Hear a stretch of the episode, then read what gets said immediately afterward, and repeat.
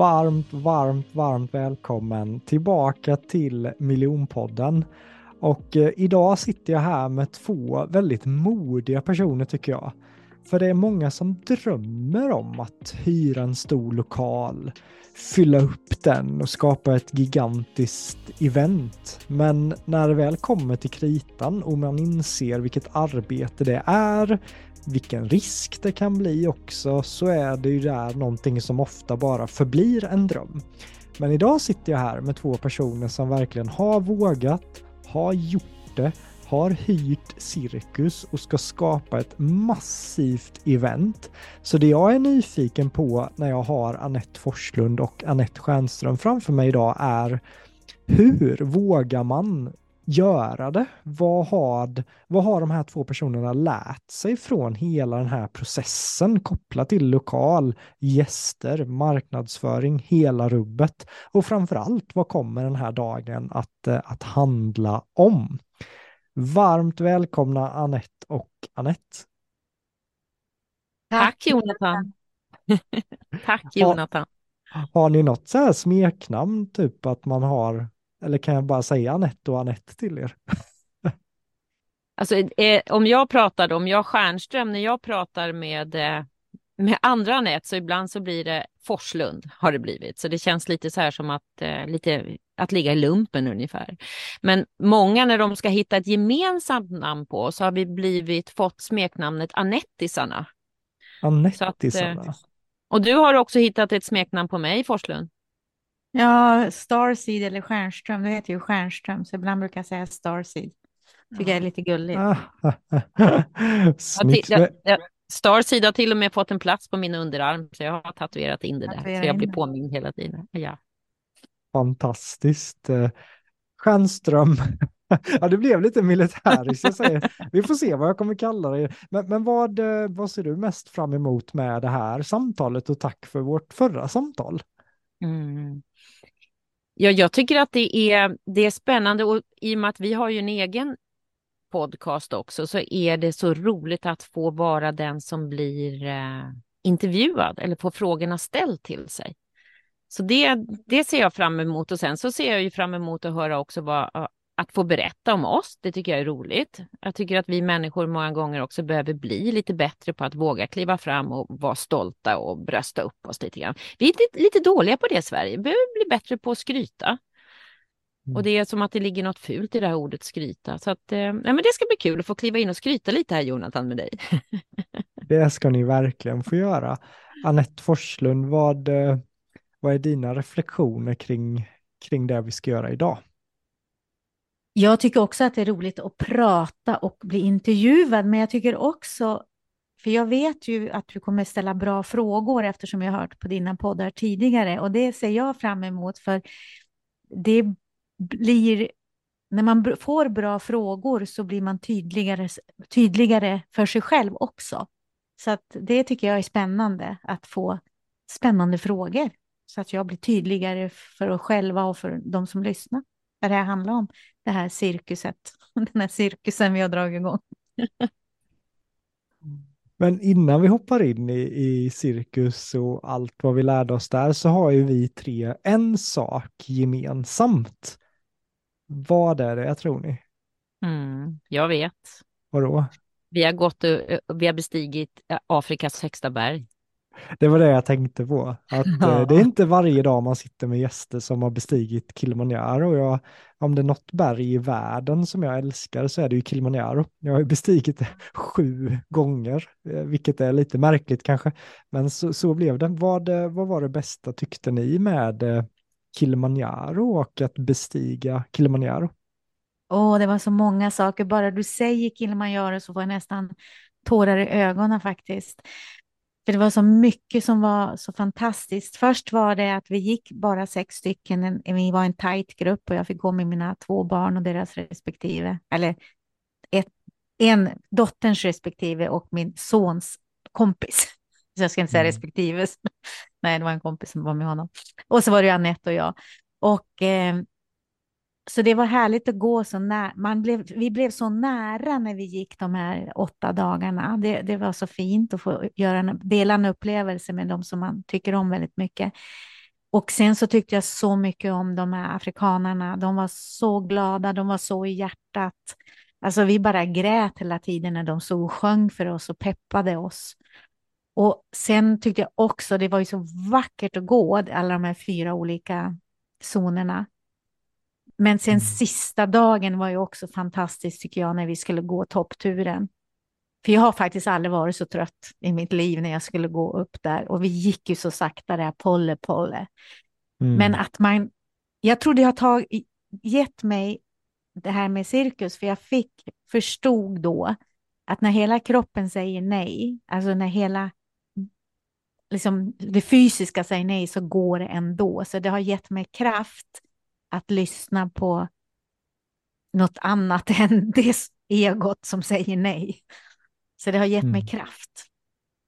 Mm. Och som jag, jag, skulle kunna prata om Kilimanjaro en hel timme. Men, ja, Vi får göra ett avsnitt bara om det. Anette Stjernström, mm. vad, vad tog du med dig mest från the land of Africa, Tanzania, Kilimanjaro? Ja, det är, alltså för mig så är det verkligen dels det här att vara så connectad med, med någonting som är mycket, mycket större än, än våran fysiska kropp och hela alltet och hela naturen. Att, att bara få slippa den här uppkopplingen som vi har runt omkring mm. oss till vardags med datorer och mobiltelefoner. Där var det ju verkligen att hela tiden vara i nuet. Hela tiden i nuet och vad det...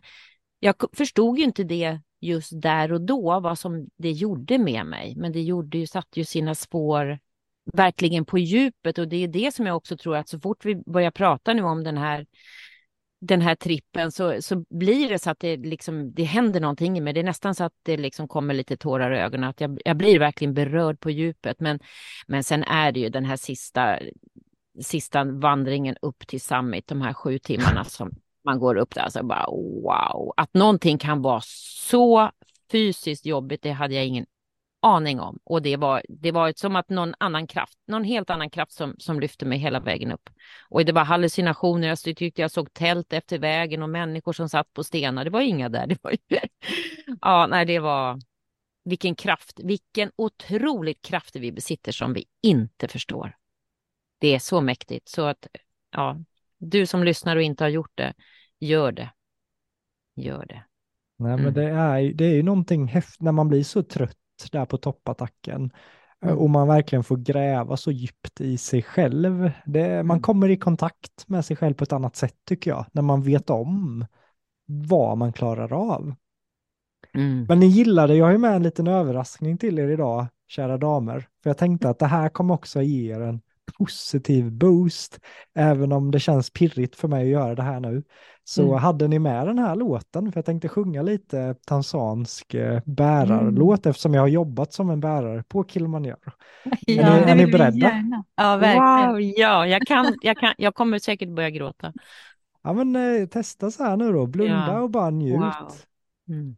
Jambo, jambo guana, habari gani, nusuri sana, wageni, jambo, Jambu guana, Kilimanjaro, Hakuna Matata. And now we're gonna do a circus, Hakuna Matata. La la la la la la, Hakuna Matata. Ja, det är fantastiskt. Tack. Wow. Ja, ja, den är så fin. Vi sjöng den ju hela tiden. Ja, och om, om, det, om det är någonting jag tar med mig när man har så stora projekt som ni har, en del mm. stress nu på sig kanske och, mm. och verkligen bara tänka tillbaka på glädjen på Kilimanjaro och, och det får mig ofta att känna styrka i sådana här stora projekt som kan bli väldigt, väldigt intensiva. Mm. Och också det, det, fina som, som bilderna som kommer till mig nu Jonathan när du, när du sjunger eh, den här melodin, det är ju verkligen med hela, alla de här människorna runt omkring oss och alla de här eh, porterserna som vi hade under trippen, vad de med sin glädje och kärlek, vad de också bar oss i det. Så mm. det var ju helt fantastiskt att vi alltid av, eh, innan vi gick iväg varje dag så var det ju den här sången som vi tog med oss på vandringen. Mm. Så bara wow, ja, tack. Men fick jag godkänt med min sång. Ja, wow. Jag var nervös, MVG. Eh, MVG. nervös hela morgonen för detta.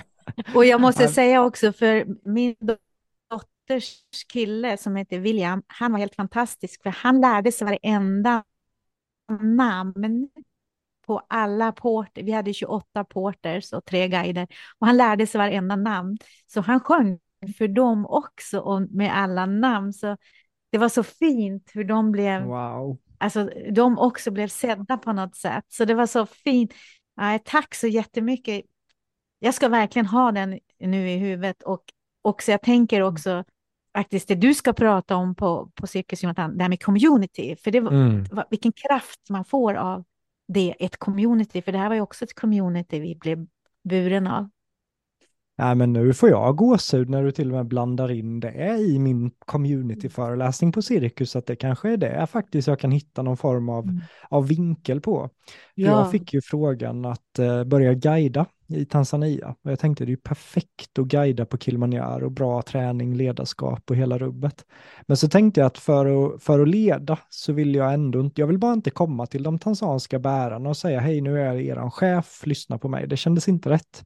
Så jag sa till dem att eh, jag skulle gärna vilja bestiga berget som er. Mm. Och de sa, va? Men du är ju vit, det går ju inte. Du kan inte bära det vi bär. Det är bara för oss tansaner, det går inte. Jag sa, men låt mig bara testa. Jag kommer säkert faila, men låt mig bara testa. Och de var så här, uh, nah, don't think so man. Och, men uh, jag testade och det var brutal, verkligen. Jag bar ju där 40-45 kilo ibland. Jag sov med dem. Jag tvättade de vitas fötter på morgonen. De vita, jag ju. Alltså, det lät ju kanske Men, men jag, jag gjorde exakt det de gjorde. Ja, mm. och eh, efter ungefär tre dagar, då fick jag deras respekt när de såg mina skavsår och verkligen kunna bonda med dem på djupet och kunna sitta med kocken och laga soppa på kvällen på ett berg i Afrika. Och den communitykänslan som blev utifrån det, så när jag sen blev guide och vi hade evakueringssituationer, liv och död. Alltså, vi var så connectade och de litade på mig, jag litade på dem och för mig var det äh, riktigt, riktigt häftigt att få vara så många somrar i, i Tanzania. Mm. Wow. Det visste inte jag. Ja, vad spännande. Jag visste och jag, inte att för jag tror eftersom vi var så få i vår grupp och vi ville också verkligen känna dem, inte bli behandlade som ja, vita eller vad vi säger. Men vi var, kommer du ihåg, vi satt ju ofta inne i det tältet när de lagade mat och vi mm. var ju med dem liksom mycket. Och för att, och, så det blev väldigt nära. Och det där nära gör ju att det blir något mycket mer speciellt än när man mm. är... När det, och det är, för ett community är ju ett vi, det är ju inte ni och dem, utan det blir ett vi. Och ett vi skapar så mycket kraft och tillit, tänker jag. Och det är mm. det vi faktiskt, som vi kommer in nu på cirkus, är det vi vill skapa, ett mycket större vi i, liksom, i hela Sverige, att vi tillsammans kan skapa bättre för alla istället mm. för var och en. Det är ju något som är väldigt, väldigt starkt hos oss. I love it. Och mm. det, det jag verkligen tar med mig också just från sådana här massiva event. Jag har ju kört mycket sånt fast digitalt, men det har varit lite sak samma. Om man, om man är huvudproducent för ett digitalt event när det kommer 80 nationaliteter, då kommer det bli stressigt.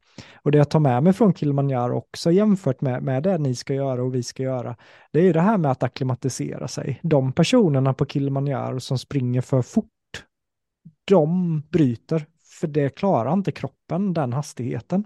Men på Kilimanjaro behöver man gå sakta, steg för steg, hålla huvudet högt, högt andas och dag för dag så kommer man till toppen. Mm. Eh, och det tycker jag blir viktigt nu med cirkus också, att man bara tar steg för steg, påle påle varje dag, man tar några kliv upp istället mm. för att kötta. Kortisolet åker rakt upp i taket och sen blir det tufft alltså. Hur, hur känner ni med det? Jo, det är så sant. För vi får, vet du också, en från, vi får ju från Ticketmaster varje dag hur många biljetter vi har sålt. Mm. Så nu har jag och Anette bestämt oss att nu ska vi inte öppna det varje dag, för det skapar också mycket kortisol och stress om du inte har sålt så många och när du har sålt många då är det ju härligt. Men nu har vi sagt att nu ska vi inte öppna det förrän på fredag så att man kan liksom, nu, precis som du säger, vi gör det vi behöver göra, ett steg i taget, ett steg i taget. Och, mm. och också som du säger, så viktigt. Jag har varit, innan den här podden nu har jag varit ute och gått, jag tränar lite här ute och dansat på fotbollsplan och stått och dansat och mm. lyssnat till musik för att mindsetet och min, liksom vad jag startar dagen med är så otroligt viktigt. Snyggt. Anette jag, Stjernström, ja förlåt. Ja, nej, men jag tänker också säga, det är ju verkligen vad jag, vad jag riktar min energi emot, det här som, som, som Anette sa nu, det här med att vi har bestämt att inte titta på titta på biljettförsäljningen till exempel, utan det är ju att vad är det vi ska göra för någonting? Att vi fortsätter att gå den här poly poly hela tiden och det andra, det, det sköter sig själv. Så det är väldigt mycket tillit i en sån här stor process. Så det mm. är, vi har ju förstått det nu efterhand att vad var egentligen det stora syftet med att vi så gärna ville bestiga Kilimanjaro? Och det är ju, hade vi inte gjort det, Jonathan, så hade vi haft det kämpigare idag. Jag är helt övertygad, för det gav oss så mycket vetskap om oss, själv, vetskap om oss själva och våran otroliga kraft vi besitter. Jag är eh, så nyfiken. Hur, hur kom idén ens att eh, hyra den här stora cirkusteatern? Jag menar, det kostar rätt mycket att hyra den. Hur, mm. Jag är nyfiken. Hur, hur kom ni fram till att vi ska göra det här projektet? Jag tror vi har två olika minnen av det, för att det jag kommer ihåg, det var att när vi sitter då med, i, nere i Ängelholm med en coach som vi hade då, och så säger han till oss så här, ja ni är ju så roliga eller galna eller vad han sa, snart hyr ni väl cirkus? Att det var han som först sa det. Och vi bara, ja, ja men det gör vi typ, eller det är väl kul. Och sen gick det några dagar. Och sen tror jag att det var du som sa, Anette Stjernström, att det är klart vi ska hyra cirkus.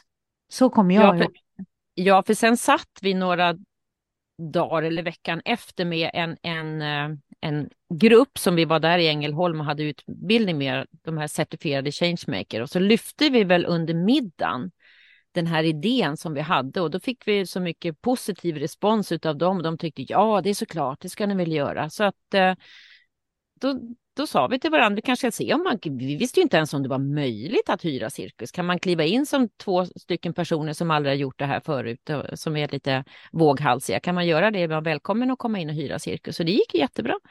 Så det var inga problem. Så, och snabba som vi är många gånger när vi känner, det är ju så roligt, eh, Anette, vi, Anette och jag, vi, det är inte alltid det tar lång tid för oss att fatta ett beslut, utan det är ju att den här tilliten till att när det känns som att det är någonting vi vill göra, okej, vi kör, vi testar. Så att vi, vi, vi är inte som alla andra, vi har inte en, en plan kvar, utan vi, vi startar nog en process och sen så, vi vet vad vi vill göra, men vi vet inte hur vi ska komma dit. Det får föda sig under tiden. Så då hyrde vi cirkus, det var inga problem. Det var bara att det var ledigt och sen fick vi skriva på ett kontrakt och så var det klart. Ja, så då vart vi med cirkus. Så det fanns så. inga rädslor, för, för cirkus kostar väl några hundratusen att hyra?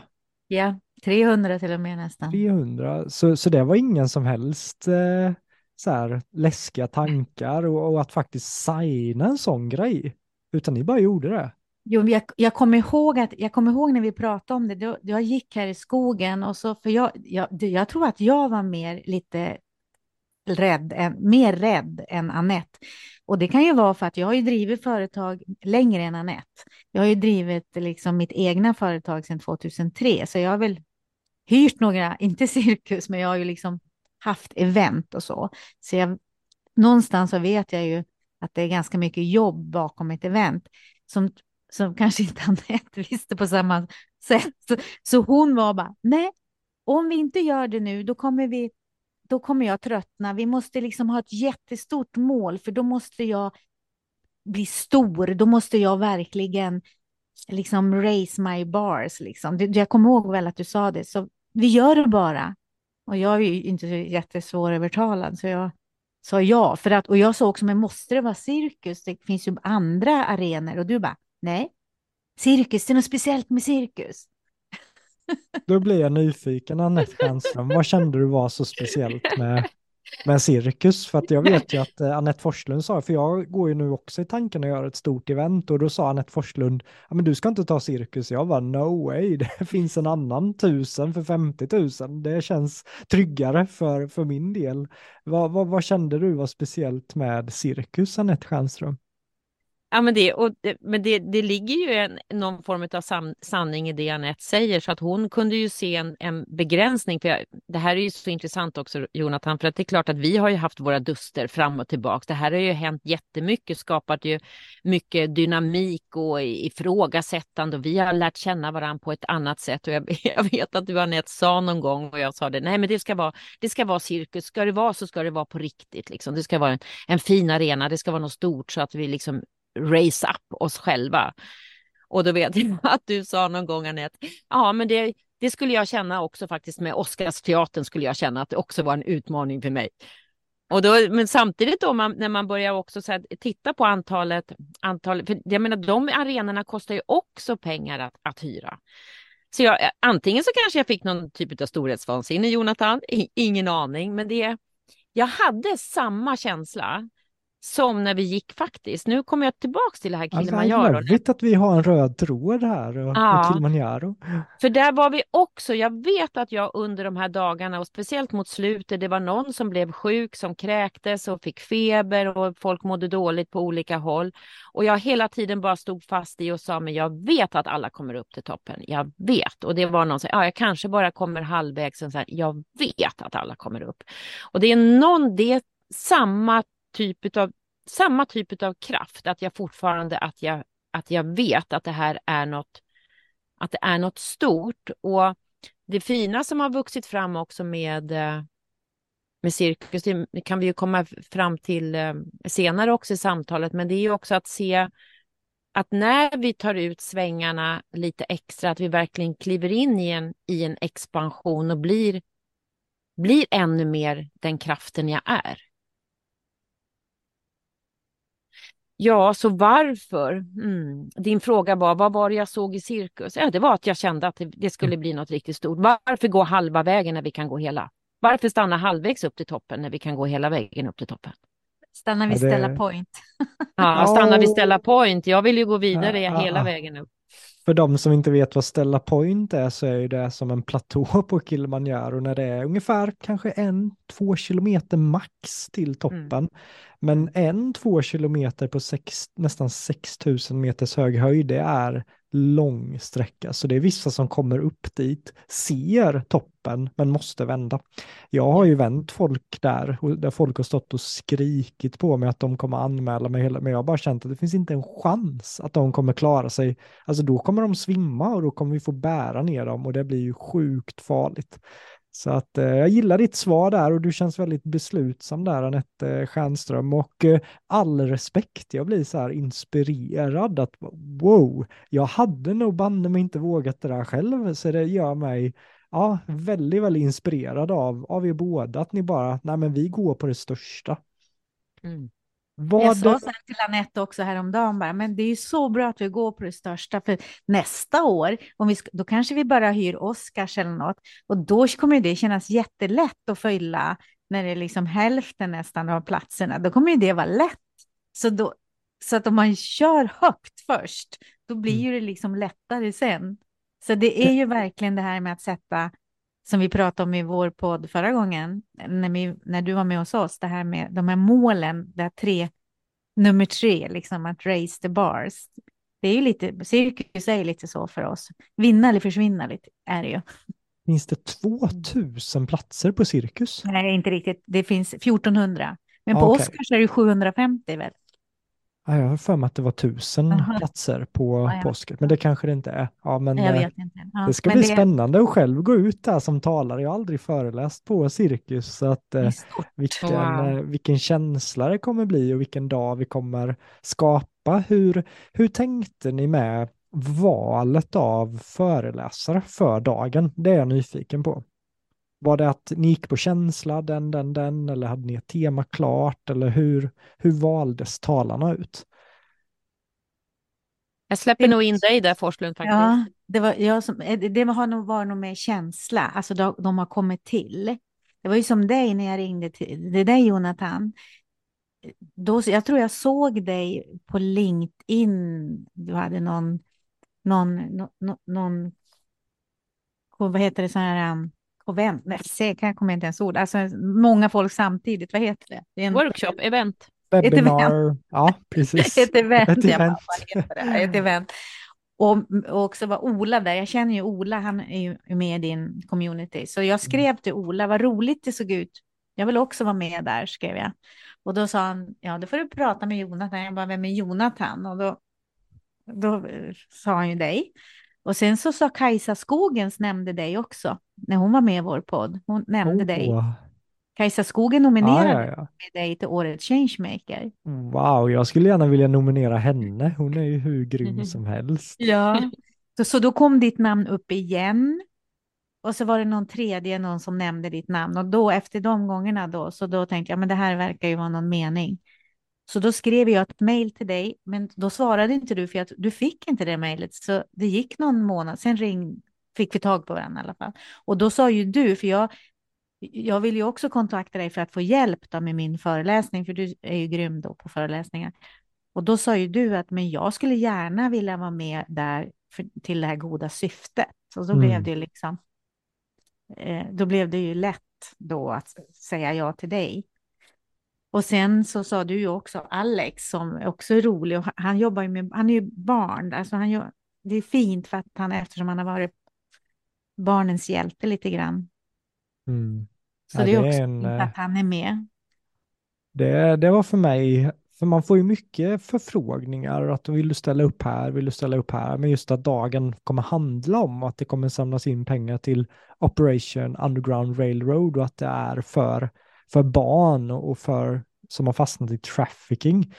Eh, och det var så, usch, när du var här Anette och du visade mig filmer och jag har varit, eh, vissa grejer som är så tunga att det kan vara att man nästan bara blundar för det för att man tänker att om jag ens tänker på det kommer jag må dåligt. Och så har det varit för mig lite med, med trafficking och det här är första gången som jag har öppnat upp lite grann och kikat där och känner bara herregud alltså det där jag är glad att det finns sådana som Operation Underground Railroad och att ni då har ett samarbete med dem är ju väldigt häftigt att vi kan då stödja det här. Och, och den storyn är ju också spännande för jag menar vi, vi började ju då som sagt med att hyra cirkus och så kände vi tidigt Anette och jag att men det här gör vi ju inte för vårat syfte utan vi vill göra det här för att det är ett högre syfte med hela det här e-, eventet ja okej, okay, vi vill faktiskt donera allt överskott till någon verksamhet. Vi hade ingen aning om eh, vad det var för någonting, men så i början av det här året, i mars, så skulle vi iväg till USA, till Sedona och eh, på en, eh, ett två eller tre dagars eh, event för oss och titta på en, en man som vi inspireras väldigt mycket av som heter Kyle Seas. Mm. Så vi mm. åkte till Sedona till hans evenemang och där, den de här, hans dagar var just att också donera allt överskott till det, samma verksamhet, då, OUR, Organization Underground, or Operation Underground Railroad, så heter de. Och när vi fick då se han, grundaren på scen, eh, Tim Ballard som han heter, och som var så berörande, var helt fantastiskt och allt det här, så började det ju hända någonting i oss. Och då, då tittade Anette och jag på varandra, okej, okay, där har vi dem. Det är dem vi ska donera mm. överskottet till. Så det var ju också det stora syftet till varför åkte vi till USA. Det var ju för att vi skulle hitta dem. Så att det är verkligen, det är, blir så tydligt, alltså de, de här månaderna, det här året eh, som vi snart har, jag tänkte säga genomlidit Anette, men det har vi inte gjort, men, men ge, eh, liksom fått uppleva har gjort så mycket med tilliten till trusten, att verkligen lita på att hela processen som sker runt omkring oss att lita på det som sker, att det kommer att, att det löser sig. När vi, är, när vi är medvetna och vågar följa det som känns på riktigt. Mm.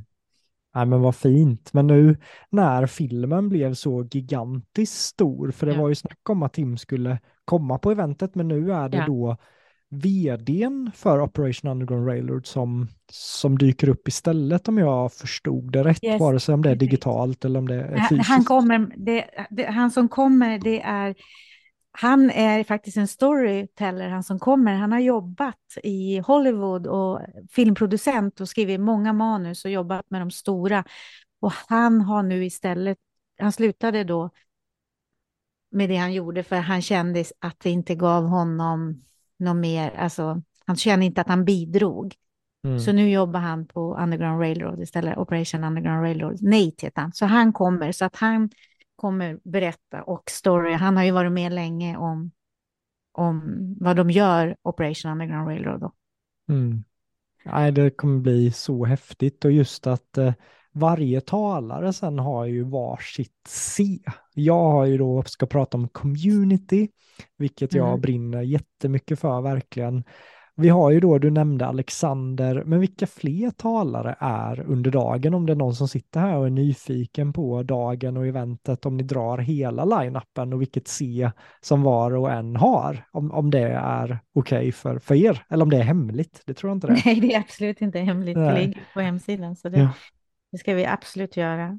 Och vi, ja, vi har ju åtta scen, så att säga, åtta scen till till förändring, medve- att skapa en medveten förändring, så har vi åtta nycklar till att skapa den här medvetna förändringen. För vi heter ju Changemakers the Moment och den här dagen heter ju Changemaker Day. Vi vill ju skapa förändring.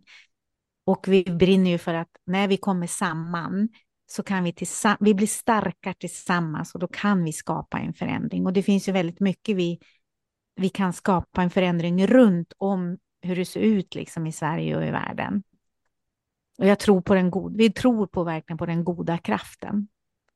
Och, men för att då, precis som du sa Jonathan, att många vill ju inte, man kanske inte vill se det här hemska för att man är så rädd att man mår dåligt själv, så då vill man inte förstå det här som händer till exempel om trafficking. Och så lever man bara på sitt liv. Så det viktigaste med en medveten förändring, det är att se, se vad som sker, men inte själv åka ner i det mörka om jag säger.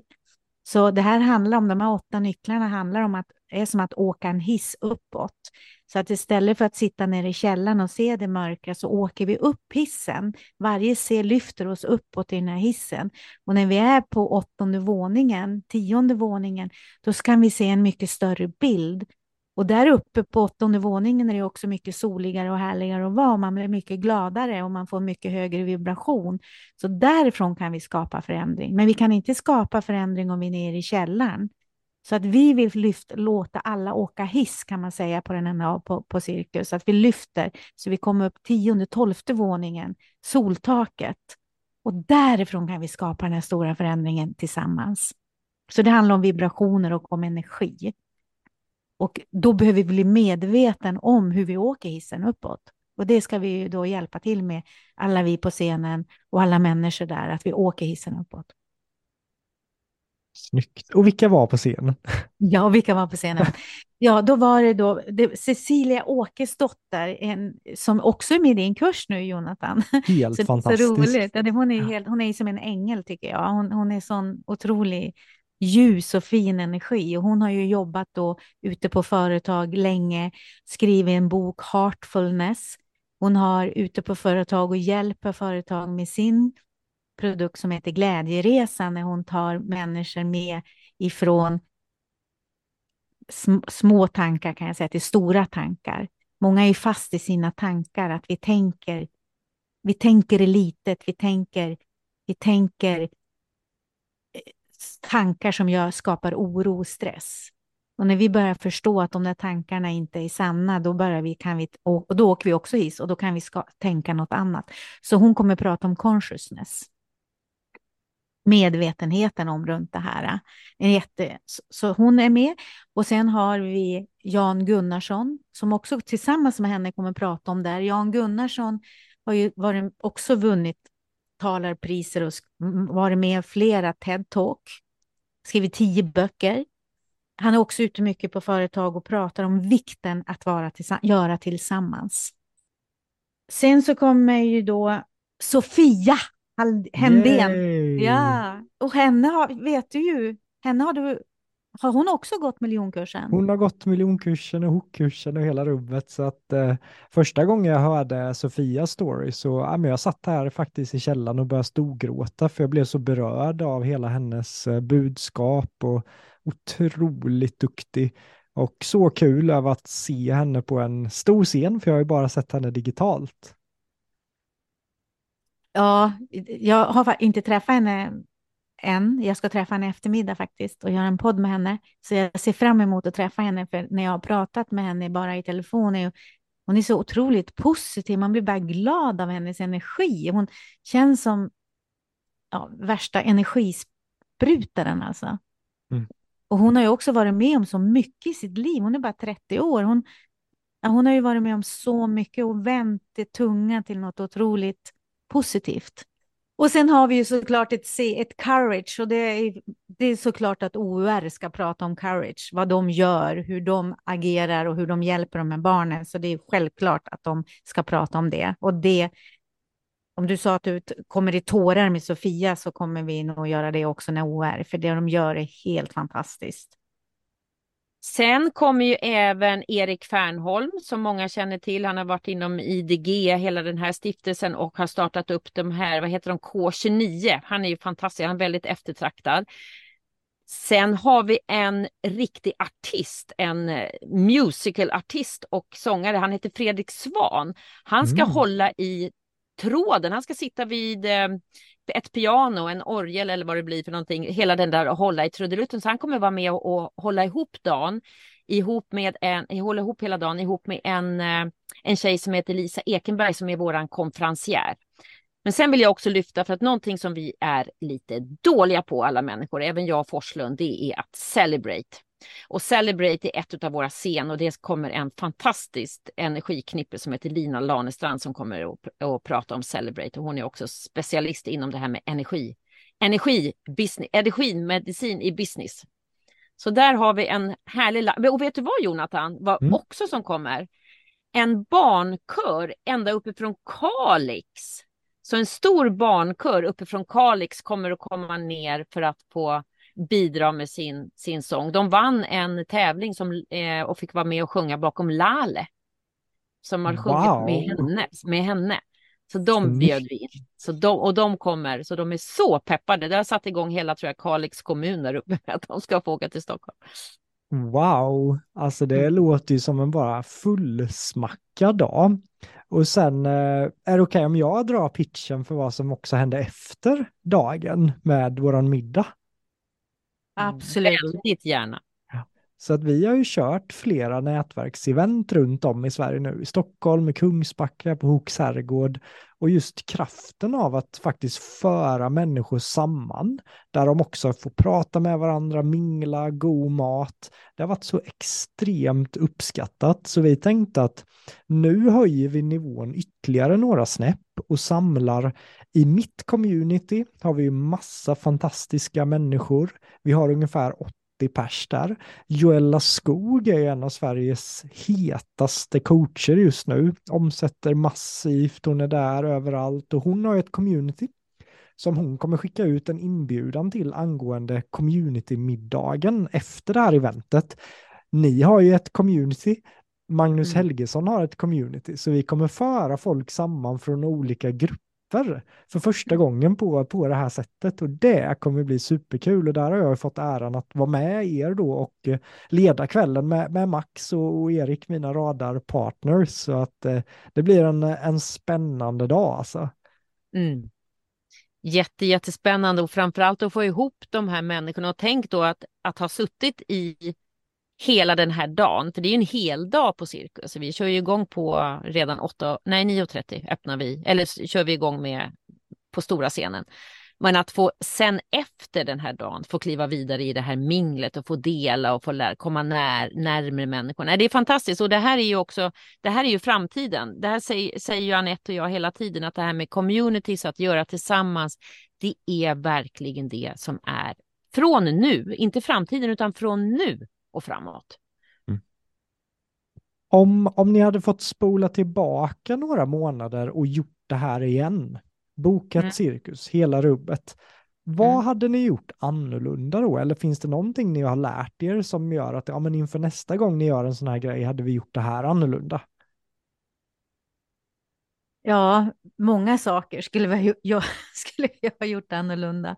Vi har ju liksom, som vi sa, först kom vi på, vi vill hyra cirkus och sen att vi skulle låta pengarna gå till en eh, välgörenhetsorganisation. Och sen vad är det vi ska göra där och vad är det vi ska prata om? Allt har ju kommit eftersom hela tiden. Nästa gång så skulle jag vilja vara mer tydlig, liksom exakt det här ska vi prata om. Det, det här är, och sen utifrån det starta lite mer kanske i rätt ordning. Så känner jag i alla fall. Ja, och, och jag skulle nog vilja fylla i där med att vara ännu mer, att ta ännu mer hjälp utifrån, för vi har ju inte, vi har inte förstått vad vi behöver för hjälp utifrån. Så att, jag menar, Anette och jag har ju gjort, från början har vi ju gjort det mesta själv, men sen har, har vi fyllt på med hjälp under tiden, men att redan, redan från början få någon typ av bärkraft, det är ju allt liksom från marknadsföring och som ska ha dialogen med både med artister och er föreläsare och, och hela platsen, alltså hela Cirkus Arena. Vi har ju inte vetat hur vi skulle ha förberett oss. Så att det är precis som du sa förut Anette, att, att, ha, att byta det här till nästa år kanske och vara på en annan arena som är mindre om det är det vi vill. Eller bara vadå, bara att kliva in på Cirkus en gång till så har vi ju en helt annan erfarenhet. Så det är klart att vi hade gjort saker på ett annat håll som hade gjort det lättare för, för oss båda att driva det här så att vi hade kunnat fokusera på det som är rätt saker. Mm. Så ta in mer hjälp och delegera ut det. Mm. Börjat mer med eh, temat, det första man gör och sen byggt allt utifrån det helt enkelt. Mm. Ja, och vi har ju vetat teman på ett plan, det här med att vi vill samla folk, att vi, vi är starka tillsammans, att vi vill komma samman, det har vi vetat. Men ännu tydligare kanske temat på scenen. Sen har det ju, sen har det ju kommit till oss och att vi jobbar med de här olika nycklarna till medvetenhet och det blir jätte, jättebra. Och ibland, jag tänker att näst, jag, har ju driv, jag har ju drivit företag i 20 år och nästan allt jag har gjort kommer till mig under vägen. Så, att ibland, man kanske bara är en sån person också, istället för liksom ha all struktur, för jag tappar jag tror jag tappar mycket glädje och lust när jag, all, jag ska veta allting i förväg. Utan, för det är ju inte bara målet, utan att, försöka, att njuta av resan till målet. Att, att det är som ett äventyr att gå upp till Kilimanjaro. Hur skulle man ha kunnat... Ja, man kan ju förbereda sig och gå. Det gör man ju. Fast det gjorde jag faktiskt inte, för jag hade inte tränat någonting innan jag upp till Kilimanjaro, så jag hade inte förberett mig speciellt där heller. Liksom. Och jag hade ju, har ju inte artros i knät, så jag visste faktiskt inte om jag kunde gå upp hela vägen på toppen, men det kunde jag. Ja. Så det är väl lite hur, hur jag lever livet, för att jag tycker om det här äventyret och att inte veta. För hade jag vetat det hade jag ju inte varit egenföretagare. Då hade jag ju suttit som anställd någonstans och veta exakt. Och då, då tröttnar jag väldigt, väldigt fort. Mm. Det tar ju bort lite av den här, och det är det som är egentligen en story. Jag menar, det här är ju den perfekta storyn, att ni två då, som inte har gjort det här innan, hyr cirkus och folk ställer sig frågan, hur ska det här gå? Spännande, ingen aning. Det är den Mm. perfekta storyn, vilket sen då kan skapa sig att ni verkligen blir så lyckat som vi verkligen hoppas och det ska bli. Vilken fantastisk grej att dela till andra då ju. Mm. Än, än om, all, om allting hade gått superenkelt, bara enkelt, enkelt, enkelt, då försvinner ju storyn. Men Mm, ja. det här blir ju otroligt inspirerande för att folk ska våga göra det också. Och Ja, vi vi vet, Ja. ja, och vi vet ju det att vi är stora inspir inspiratörer. Vi vet att det är otroligt mycket människor som inspireras av oss för att vi gör det som många tror inte går att göra eller som, man, som vi sa i, i, tidigare att, att man kanske bara går och drömmer och tänker om men inte kliver in och tar actions. Alltså vi är ju, kan man säga proffs? Det är, nu, är det nu vi ska börja skryta? Att vi är alltså, vi är riktiga action takers. Och det är ju där skillnaden är mellan att få en förändring så behöver du också kliva ut och ta action, att våga lita på det. Och ju mer vi gör det så får jag en större medvetenhet om vad jag klarar, jag litar på mig själv, jag får en helt annan självbild. Och då blir det heller inte lika svårt sen att fortsätta. Mm. Så att, ja jösses, alltså det har hänt. Jag vet att jag har sagt det, varför ska man gå en treårig högskoleutbildning? Du kan hyra cirkus och får du, får du den utbildningen på kortare tid. Så mycket lärdom som det ligger med i det här. Så mycket lärdom. Det är fantastiskt. Det var tack livet vad du lär mig hela tiden. Får man, eh, får man fråga vad er största konflikt har varit under den här? För jag kan ju bara tänka mig ändå när det blir så här ibland vissa dagar. Det blir, jag har ju själv varit med i sådana här projekt. Har ni haft någon stor konflikt ännu? Eller har det inte kommit än kanske? Jo, den har nog varit tror jag. Och sen har vi, vi vet inte, det är en månad till. Så Den kanske kommer efter när vi slappnar av. Nej, men jag kan säga för, för min egen del, för att det som, eh, det som är eh, Annette kan ju bli väldigt, eh, väldigt otålig. För hon är otålig, hon är väldigt snabb och det går fort och man hinner inte med. Och det här har jag ju utsatts för, eller varit med om nu under några, några år. Det kan vara allt ifrån att vi har en workshop ihop och sen bestämmer vi innan, du tar de här bitarna, du säger det. och det vet jag var så tydligt i början när vi hade våra första workshops. Och så var jag då så här, jag som eh, hade mer kontrollbehov, så satt jag där och visste att ja, men de här sakerna ska jag säga. Och sen börjar Anette och så känner jag så här, jaha, nu sa hon det jag skulle säga och nu sa hon det. Så vad är kvar till mig att säga? Vad ska jag säga nu då? Så det har ju lärt mig så otroligt mycket att bara så här, okej, okay, då får jag lita på det här och kliva in och så säga något annat. Eller så får jag säga bara, ja men nu, nu sa ju du allting så att jag har inget kvar att säga. Nej, så det, det är lite bara hur, hur vi är som människor. Men, men jag kan nog säga att när vi har haft, eller när jag har, har känt, så var det där i början när vi pratade om det här med Cirkus Arena. Anette fick nog lite, någon form av lite kalla fötter där, men jag hade i varje fall minsann varit nöjt med, med att eh, stå på Oscars då kände jag som att det lades nog lite skulden på mig. Om nu inte det här går, då är det ditt fel, för jag hade velat stå på Oscars. Där kan jag, där kan jag känna, då, då känns det jobbigt. Och att vi också förstår att det, det leder ingenstans att, liksom så här, att, att slå på varann, utan vi behöver lyfta varann. Och jag behöver vara ärlig och våga säga att vet du, idag känns det som skit på ren svenska. Idag känner jag mig låg. Idag har jag ingen tröst överhuvudtaget och då istället för att slå på den personen så får vi försöka att höja varandra. Tack och sen vilken, kan vi se vilken, våra eh, mönster. Ja, men jag vill bara stanna kvar där, för jag tyckte det var så fint. Det var bland det mest eh, äkta jag har hört i miljonpodden. Det var bara straight mm. from the heart, communication, så här är det. Det var, yeah. det var väl tack för att du vågade dela den sidan av ett projekt också. Vad, vad mm. reflekterade du kring Anette Forslund med, med det som Anette Stjernström sa här nu? Ja, absolut. Ja, vad ska, det, blir, det är verkligen så det är. Hur, man, man kan också märka det man ser när man blir stressad så går vi ju in i olika mönster. Och det blir ju så tydligt i en sån här sak då. Och mitt mönster då är att jag säger varför, varför, varför gjorde vi det här? Och så skyller jag på Anette. Och när Anette går in i sina mönster så går hon, börjar hon att titta på en detalj. När hon, att, så då blir jag också irriterad när hon när hon inte kliver in i en kraft. Hon krymper sig själv och blir mindre, för jag vet ju att hon har en otrolig kraft, Anette. Annars skulle vi inte ha gjort det här. Så att då blev jag väl också arg när, när jag tycker att men sluta och krympa det nu och kliv fram liksom. Så, så, det har vi väl också haft en konflikt med när jag tycker att du krymper det. Mm. mm. Ja, men vi har, vi, har inte, vi har inte varit på väg att göra slut. En gång kan jag säga helt ärligt, jag kommer inte ihåg vad vi hade för samtal, men det var något som jag tyckte spårade ur lite. Då var, då var jag irriterad. Det är den enda gången, då, och jag vet att jag berättade för dig efteråt, Anette, alltså nu var jag så nära att lägga på luren bara och inte vilja vara med. mm. Men det är också fullt naturligt i sådana här, alltså det, det vore nästan märkligt om det inte hade varit några konflikter. Det vore ju då vore det mm. något som kanske var fel på något annat sätt. Jag menar, vi pratade om mina äventyr lite i, i samtalet när jag gästade er podd.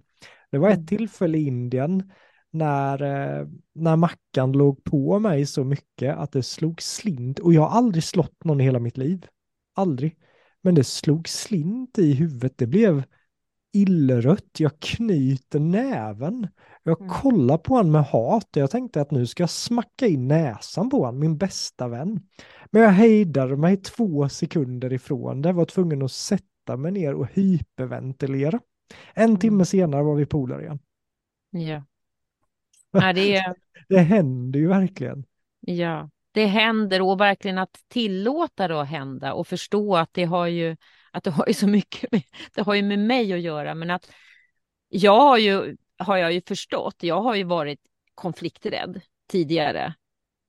Men det har jag ju också fått utmana nu i den här processen med Anette, att våga ta konflikter, att våga ta en frustration från en annan människa, att inte gå omkring och bära det sen, att, att krympa mig själv i det. Utan att till och med, och det kan jag, bara, det kan jag nog märka bara de sista månaderna, att jag jag kan ha lättare att säga till dig Anette, så att säga, men, men, alltså, men ge det nu, alltså nej, men sluta nu. Mm. Och det, men det känner vi för att både vi, vi bägge har ju en, en, eh, en eh, medvetenhet så att vi förstår att när någon säger till så är det ju, det är ju mitt beteende. Det har ju inte någonting med mig och personen att göra, utan det är mitt beteende just nu som jag behöver titta på. Mm. Vad, eh, Anette Stjernström, vad är, det, vad är du mest stolt över med Anette Forslund? Mm. Om vi vänder hon- på det. Att hon är så sann och äkta. Det är en otrolig styrka. Att våga det. Det finns, det är aldrig, ja, det är alltid 100 procent uppriktighet. Och det kan många tycka är jäkligt svårt alltså att ta. Till och med de flesta tror jag. Hur känns det att få den komplimangen, Anette Forslund? Ja, hur känns det att få den komplimangen? Ja, det är ju känns, det, ja, det är ju sant, men det är inte, det är, en, det är en komplimang att jag är verkligen sann och äkta, men det är inte alltid lätt att vara det. Och vara Varför? sann och äkta. Nej, för att jag känner, alltså, jag jag, det är svårt att ljuga för mig. Eller när man ska vara street smart och allt vad det är. Det, jag har svårt att ta det och det, det är inte allt, för vi lever i den här världen, så ibland kan det ju vara street smart och inte alltid vara sann och äkta. Mm. Det syns på mig, det, det går liksom inte att dölja någonstans. Det, så, så, det är både på gott och ont faktiskt. Att vara sån. Vad, eh, vad är det bästa och vad är du mest stolt över med Anette Stjernström? det är att hon gör det hon säger. Det finns, hon tar verkligen action. Det, hon, hon är jättemodig. Hon är, Anette är jättemodig. Jag tycker faktiskt Anette är modigare än vad jag är. För att jag har ju jobbat som egen mycket längre än Anette och jobbat med människor. Anette har bara gjort det här i fem, sex år. Och jag skulle inte ha hyrt cirkus när jag bara jobbat i fem, sex år. Så Anette är otroligt modig människa. Mm. Det, ja, och, att, och att hon gör, att hon, våg, att hon vågar göra allt det här som hon gör. Mm. Hur landar det hos dig, Anette? Ja, tack. Tack. Jag blir, eh, jag blir berörd. Tack. Mm. Jättefint. Det är svårt att se det. Det är svårt att se våra egna, eh, eller mina, det är svårt att se mina egna kvaliteter. Och det, det, Forslund, det är bara fyra, fem år, så inte ens fem, sex. Men det känns som att det är 15 år, allt som har hänt under de sista åren. Jag, eh, jag tycker verkligen det att nu kommande månaden att bygga upp varandra. Och det kan räcka med sådana här små kommentarer här och var. Och det kommer sätta er i en annan frekvens. Det kommer garanterat sälja mer biljetter när folk ser hur mycket ni brinner för det här. Och det gör man ju när man bygger upp varandra. För det är så lätt, en månad kvar, stor grej, att man börjar hugga varandra och helt plö- plötsligt sänks frekvensen. Så att eh, hoppas ni kände er okej med den här lilla övningen som jag hade. Älskade den, tack. Tack. Hörni, så här va. Låt oss säga att eh, Olle kommer den första oktober. Han kliver in genom dörrarna och hänförs av människorna, energin. Det är eh, ljus och han bara, han har den här dagen som gör att han har fortfarande gåshud när han går och lägger sig. Han har fått nya vänner från middagen efter. Han har lärt sig massa grejer. Han har inspirerats och han vaknar upp måndagen efter cirkus. Vad vill ni att eh, Olle ska känna då? Dagen efter cirkus.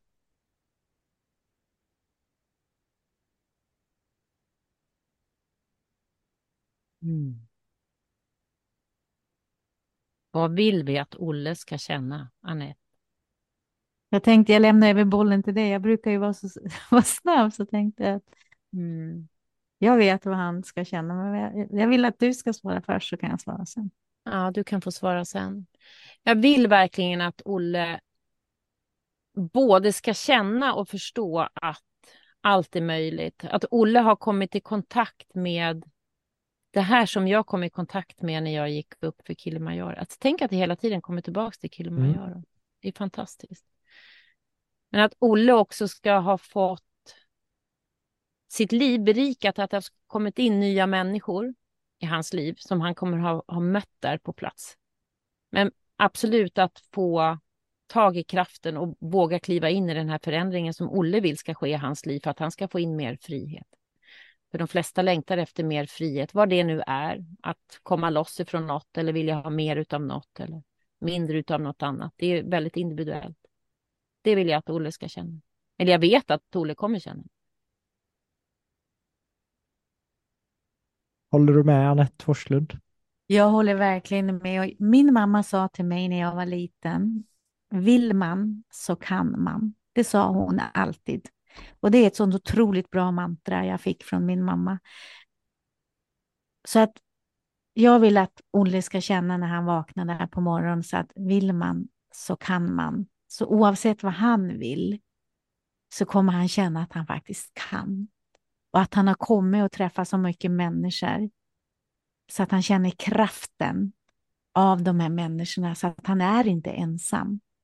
För jag tror många människor känner sig ensamma. Men efter den här dagen då kommer han inte känna sig ensam längre. Han kommer känna sig att han är, har en stor tillhörighet med människor som också vill. Mm. Grymt och jag vill avsluta den här intervjun med återigen måla upp ett litet scenario för er två. Och eh, ni skulle faktiskt kunna blunda när jag kör den här övningen. Ta ett djupt andetag. Tänk er så här. Dagen gick precis, precis så som ni drömde om att den skulle gå. Dagen efter, när du vaknar upp i din säng, så har du så många meddelanden om hur den här dagen har påverkat och hjälpt andra människor. Ni samlade in precis så mycket pengar som ni ville samla in till Operation Underground Railroad. Och du vet hur mycket du har hjälpt människor runt om i världen via det här eventet. Tillsammans åker ni till ett fint ställe efter lunch och ni sitter där så här gött trötta. Ni kollar in i varandras ögon och ler.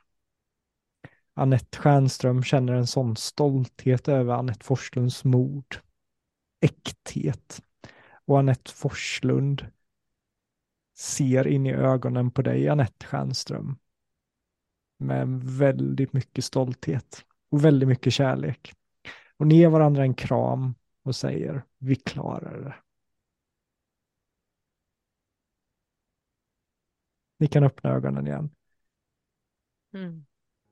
Det var min gåva till er och tack för att du har lyssnat på Miljonpodden idag. Och eh, det var första gången jag intervjuade två personer insåg jag och jag hade faktiskt väldigt roligt med det.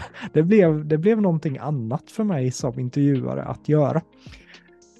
Hoppas att du kan komma på det här eventet. Vi kommer lägga biljetter biljetterna nu för den 1 oktober precis här under. Det är bara att klicka på länken, du kommer komma in. Och vill du också vara med på middagen på kvällen så behöver du köpa två biljetter. En biljett för dagen och community nätverkseventet finns på sidan också. Jag kommer vara en av talarna. Jag är superladdad på dagen, superladdad på eventet och låt oss tillsammans skapa historia. Stort tack för oss idag.